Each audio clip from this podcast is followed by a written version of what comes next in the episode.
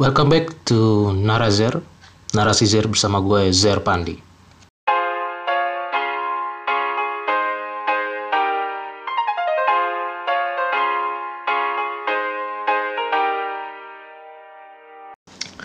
Oke, bicara soal startup, ya. Um,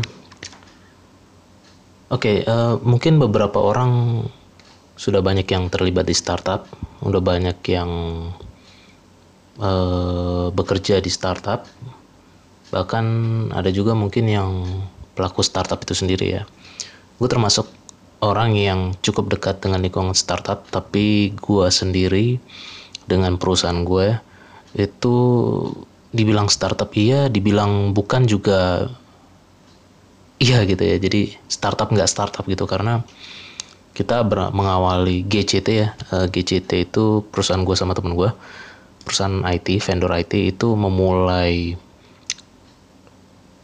uh, memulai bisnis ini bisnis IT eh, jasa jasa aplikasi web jasa aplikasi Android itu dengan cara bootstrap bukan dengan cara venture capital. Karena kebanyakan startup startup yang besar itu uh, mereka fundingnya mulai dari venture capital bukan dari bootstrap. Kalau bootstrap itu istilah awamnya adalah mendanai diri uh, pakai modal sendiri gitu. Entah itu modal dari orang tua atau modal nabung nabung sendiri ngumpulin berapa tahun kemudian bikin suatu bisnis gitu kan. Itu itu namanya bootstrap di uh, dalam dunia entrepreneur ya. Kalau kata Gary V kalau ada yang tahu tentang Gary V ya dia bilangnya entrepreneur entrepreneur. Entrepreneur atau entrepreneur ya kira-kira gitulah nah uh, gua akan spesifik bahas tentang startup tapi per gue menyoroti satu negara. Bukan Indonesia bukan Amerika juga tapi gue akan menyoroti negara tetangga yaitu Singapura. Ya jadi gue punya materi podcast yang udah gue tulis sebelumnya dan salah satu topik yang menjadi PR untuk gue bahas adalah startup-startup teknologi Singapura yang keberadaannya eksistensinya itu jarang disorot. Jarang disorot berdasarkan negaranya tapi ternyata aplikasi-aplikasi mereka itu besar banget. Banyak yang terkenal banyak yang hits gitu. Dan uh, mungkin kita orang-orang Indonesia mungkin nggak terlalu memperhatikan itu ya atau maksudnya nggak nggak terlalu peduli atau nggak terlalu pusing ini startup ini produk aplikasi itu dari negara mana. Ternyata itu dari Singapura gitu. Ada dua contoh produk yang cukup gua soroti cukup uh, udah cukup lama dan cukup gue fokus gue fokus amati itu beberapa tahun terakhir adalah Agoda dan Bigo Live ya. Sebenarnya nanti banyak. Dan gue tadi baru nemu satu artikel artikel artikelnya techinesia.com techinesia.com itu kayak media jurnalistiknya startup-startup di Asia ya. Dan gue agak kaget ternyata banyak yang banyak yang ternyata yang sering kita pakai itu ternyata produk dari startup dari Singapura gitu. Uh, kayak lu pernah mungkin pernah dengar itu ada namanya Carousel. Ya Carousel itu uh, eh, gue nggak tahu Carousel tuh gue pernah denger mirip kayak salah satu aplikasi foto buat di Dropbox. Ya cuman gue nggak tahu ini apa oke okay, tapi gue akan coba bahas uh, Agoda dan Bigo Live dulu ya. Agoda dan Bigo Live. Uh, wait a minute. Gue coba lagi searching browsing tentang karusel dulu ya. Ini karusel yang gue sering lihat atau bukan ya? There's no and Aduh nggak ada penjelasannya yang jelas, nggak ada penjelasan yang yang spesifik. Okay, never mind with the carousel one. Oke, gue akan fokus dulu di masalah Agoda dan Bigo Live ya. Siapa yang nggak tahu Bigo Live ya? Siapa yang nggak tahu Bigo Live yang sering main handphone Android, iOS, iPhone ya? Uh, Bigo Live itu aplikasi live streaming. Itu yang pasti video. Kemudian um, dan itu adalah yang menemukan yang founded yang memfoundingkan ini adalah startup dari Singapura. Oke, okay, uh, eh, dia cukup hits waktu tahun 2016 di Indonesia dan sempat marak itu trennya itu bukan tren yang positif tapi ngetren atau ngehitsnya yang yang in a negative way ya uh, sayang sekali dia tuh ngetren karena hal-hal yang negatif kayak yang berhubungan agak-agak berhubungan, berhubungan dengan pornografi porno aksi uh, dan ya kira-kira gitu. Orang mengkonotasikan Bigo Live itu dengan hal yang porno dengan hal-hal yang mesum dan macam-macam. Karena memang biasanya yang live stream itu nggak nggak sedikit cewek-cewek cakep cewek-cewek yang make upnya maksimal terus pakainya mini-mini agak-agak lumayan seksi gitu. Uh, jadi uh, orang-orang yang nonton itu sering komen gitu kan apa komen live komennya gitu yang agak-agak seronok gitu minta buka-bukain baju segala macam gitu kan. Uh, sebenarnya gue dulu suka pakai Bigo Live tapi jujur aja gue sering main Bigo Live sebenarnya gue uh, kenapa gue pede ngomong gini? Karena gue nggak nyari nggak nyari yang mesum-mesum di sana sebenarnya. Ya gue gak nyari mesum-mesum di sana. Uh, yang gue suka dengan Bigo Live adalah uh, gini aplikasi-aplikasi media, media sosial media-media sosial platform-platform sosial media yang selama ini ngetrend dan sering kita pakai dan cukup terkenal dan cukup hits atau viral itu adalah aplikasi media sosial yang jarang menunjukkan jarang menunjukkan uh, keaslian kita. Itu kita udah semua kita udah make up semua gitu. Istilah make up itu udah kita kasih kosmetik sebagus-bagusnya. Foto profile lu, lu bikin yang paling bagus yang paling ganteng paling cakep. Terus uh, foto-foto aktivitas lu tuh yang paling keren lu makan di restoran mewah lu nggak pernah posting uh, makan lu di warteg atau warung padang kemudian lu kelihatan sangat uh, mewah dan elegan dengan posting-postingan lu entah itu di Facebook dulu terus lu di Twitter lu bikin quote-quote yang yang puitis atau quote-quote yang bijak atau kayak atau lu kayak terlalu narsis dengan diri lu dengan posting uh, tweet-tweet lu itu kata-kata lu itu yang sangat narsis dan butuh pra, pengen banget diperhatiin gitu. Uh, kemudian di Instagram juga lu uh, pencitraannya tingkat tinggi. Ya kita kebanyakan pencitraannya tingkat tinggi. Foto-foto lu pasti yang bagus-bagus semua nggak ada yang jelek di Instagram. Tapi itu semua udah lu rias udah lu bikin kosmetik. Udah lu percantik bukan sesuatu yang real. Bukan sesuatu yang benar-benar maksudnya kayak foto-foto lu pasti kalau bisa lu hilangin jerawatnya lu hilangin jerawat lu gitu dari foto lu di Instagram Facebook dan lain-lain. Tapi kalau lu uh, live streaming di Bigo Live sebelum ada Instagram Live sebelum ada Insta Story dan sebelum ada atau uh, sebelum ada Snapchat ya um, lu itu pasti bikin bagaimana itu diedit tapi kalau di Bigo Live kalau di Bigo Live itu lu hampir nggak bisa mengedit muka lu maksudnya uh, kalau lu kalau lu live-nya, live streamingnya itu di tempat yang agak gelap, minim cahaya, pasti kelihatan jelek muka lo gitu. Uh, tapi kalau di tempat terang lebih better gitu ya, uh, muka lo better, penampilan lo better. Terus lo, uh, uh, lu masih bisa made up, lo masih bisa made up your appearance when you live streaming on Bigo Live gitu. Jadi lu sebelum live streaming pasti lu pakai baju yang bagus, pakai celana yang bagus uh, lu bisa make up dulu tapi setidaknya orang tahu ini lu gitu lu nggak bisa membohongi kalau itu bukan uh, jadi kayak lu lu pasang foto di Facebook atau di Instagram atau di Twitter lu itu uh, foto Brad Pitt gitu misalkan. Tapi pas lu live streaming lu muka lu nggak mungkin kayak Brad Pitt dong atau lu pakai uh, kan nggak mungkin lu pakai topeng Brad Pitt gitu maksa banget kan. Pasti muka lu yang sesungguhnya bukan muka Brad bukan muka lu pasti nggak muka Brad Pitt bukan Brad Pitt yang live stream. Karena itulah itu that's you gitu kan that's the real you when you live streaming gitu. Uh, jadi itu yang gue suka dari Bigo Live sebenarnya. Uh, lu bisa uh, orang-orang yang gue komunikasi di sana cewek-cewek atau cowok-cowok yang gue interaksi di sana itu benar-benar uh, benar-benar itu orangnya gitu bukan palsu bukan bukan Brad Pitt tanda kutip atau bukan Jane bukan uh, siapa misalkan Katy Perry gitu.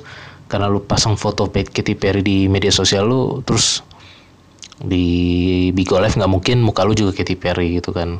Hampir nggak mungkin. Kecuali lu emang beneran Katy Perry.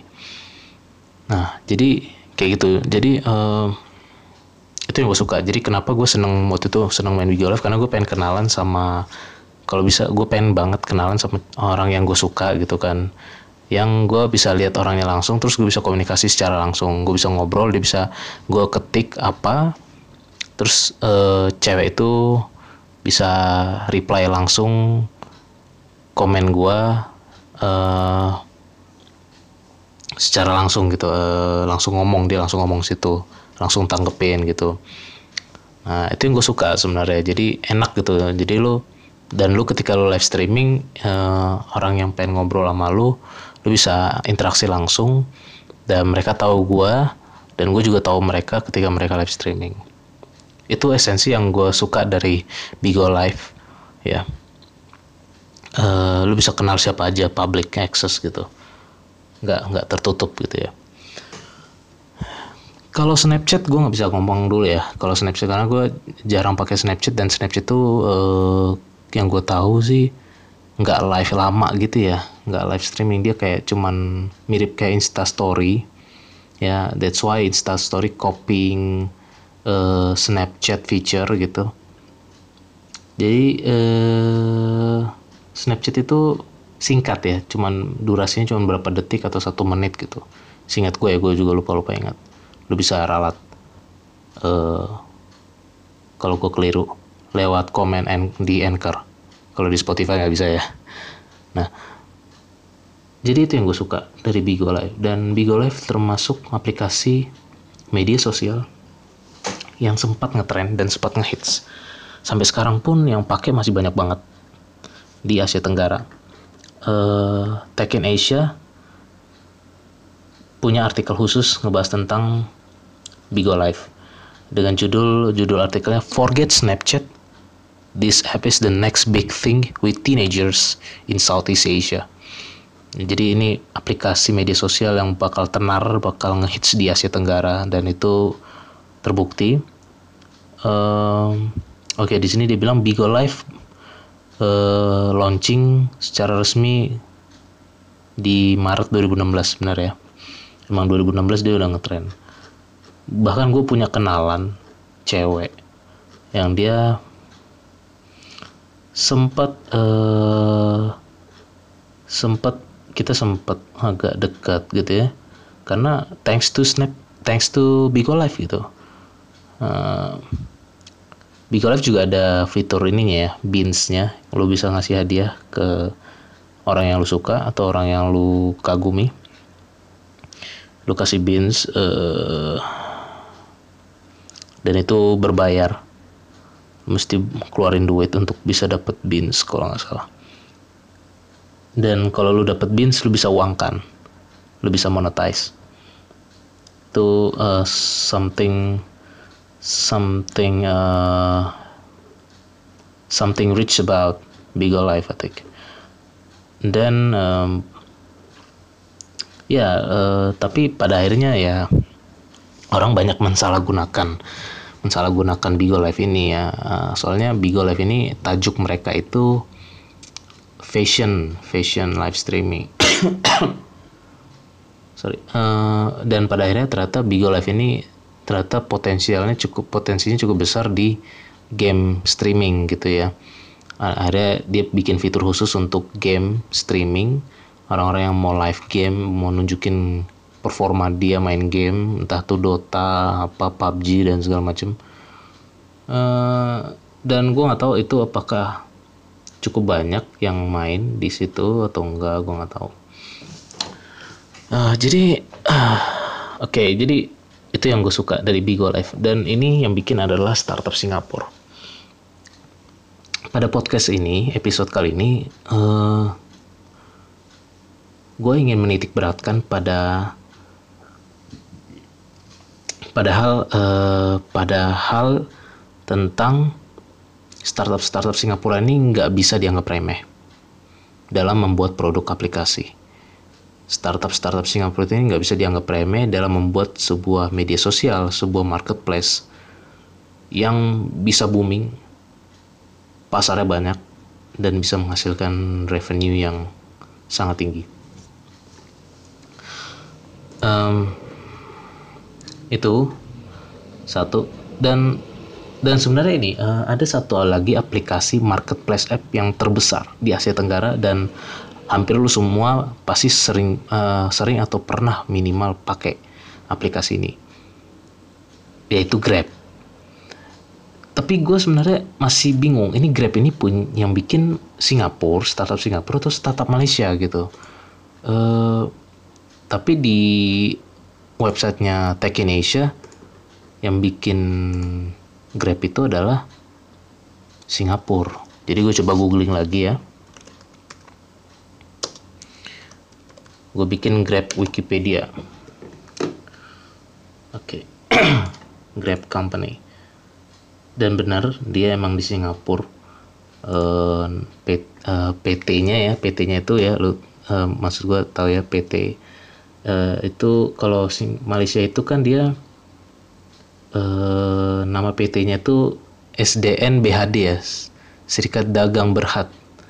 Kalau disingkat biasanya SDN BHD. Kayak iFlix itu SDN BHD. Eh, eh, apa ya?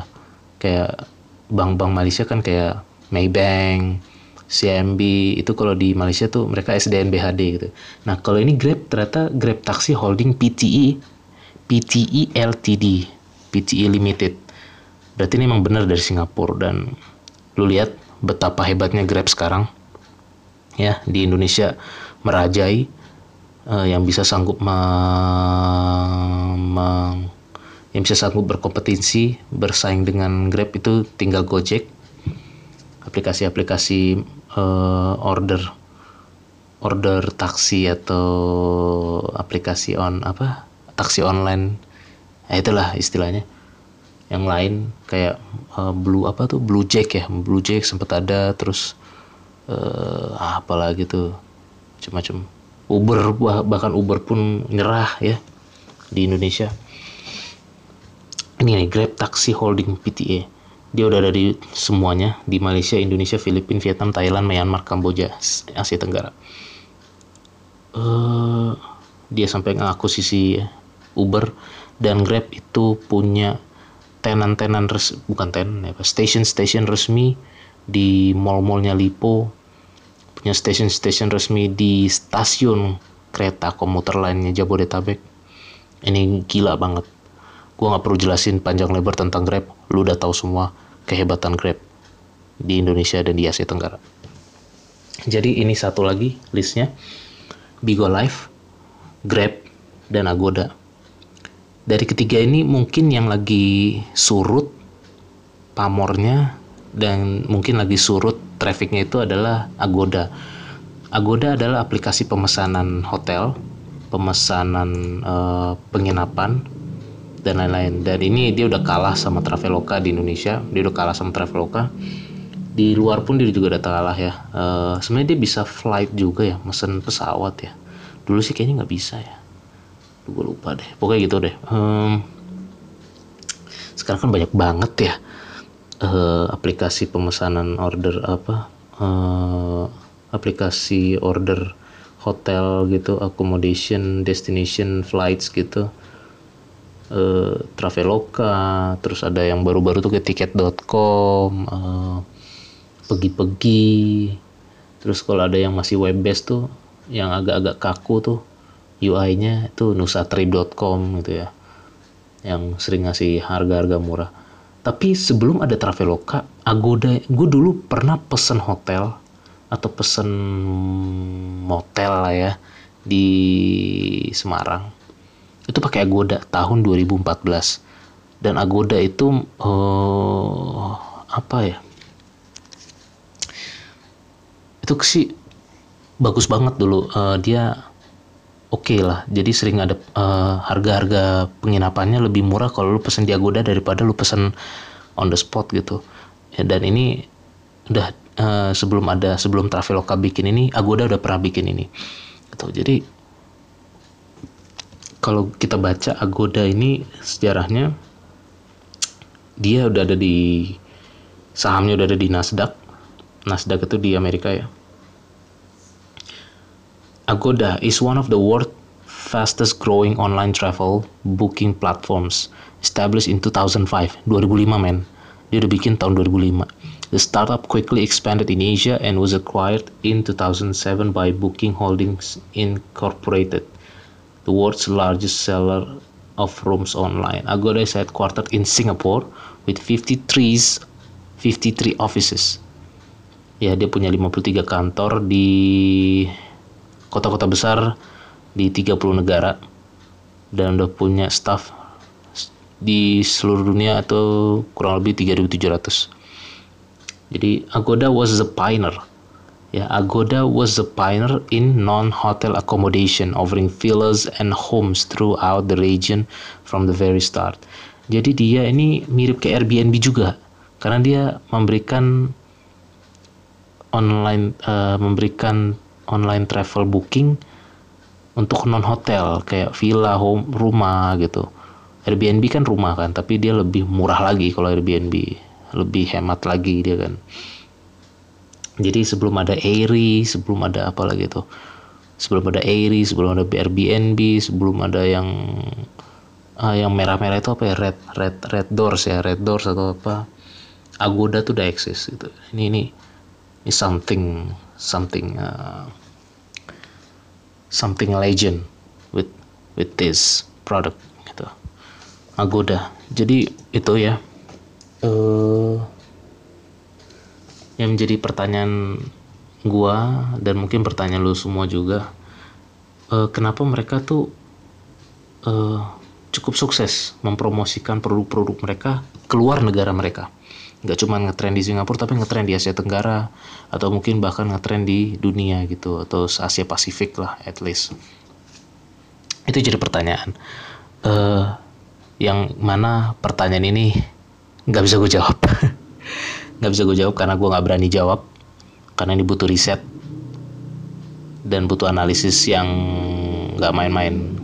Dan gue nggak mau pakai teori gembel atau analisis gembel untuk menjawab pertanyaan ini tapi lu bisa hmm, tapi kita bisa bisa melihat secara kita bisa melihat uh,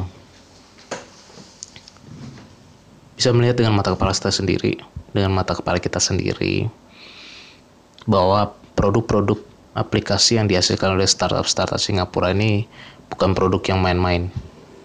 Banyak banget yang keren-keren. Uh, gue ragu Tokopedia, Bukalapak, Traveloka, dan Gojek. Itu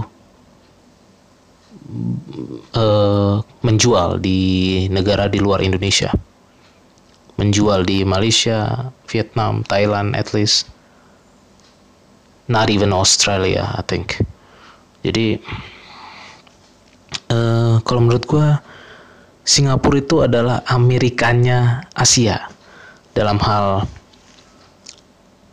startup awalnya. Tapi setelah kemari-kemari China is too big for them ya. China is too big and too huge. Terlalu besar dan terlalu gila untuk disaingin oleh Singapura sehingga banyak produk-produk aplikasi dari Cina yang atau dari Tiongkok yang mendunia dan banyak dipakai. Salah satunya di Indonesia adalah yang banyak dipakai adalah TikTok ya musically uh, kira-kira gitu ya. Wait a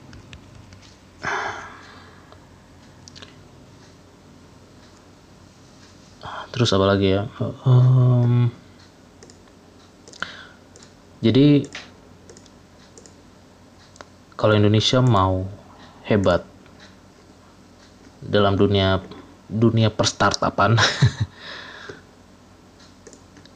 kita mesti ngalahin Singapura dulu baru bisa. Gitu. Karena mereka sudah terbukti bisa bikin sesuatu yang keren dan mendunia uh, bukan mendunia itu lebay. Ngehits ngetrend dan menghasilkan sesuatu yang besar. Bigo Live Agoda um, Grab. Dan ini ada beberapa aplikasi-aplikasi atau media sosial atau software atau apa pun itu yang berhubungan dengan startup yang ada di dunia startup yang lu mungkin nggak nyangka itu dari mereka. Ah ini dia nih men, Hook OTT platform, Hook OTT platform Hook itu dari Singapura juga masuk listnya. Gila, keren banget. Dan Telkomsel nggak pernah bisa bikin apa-apa. iFlix aja tuh gue pikir dari Telkomsel, ternyata bukan. Itu bikinan Singa uh, Malaysia. lalu ada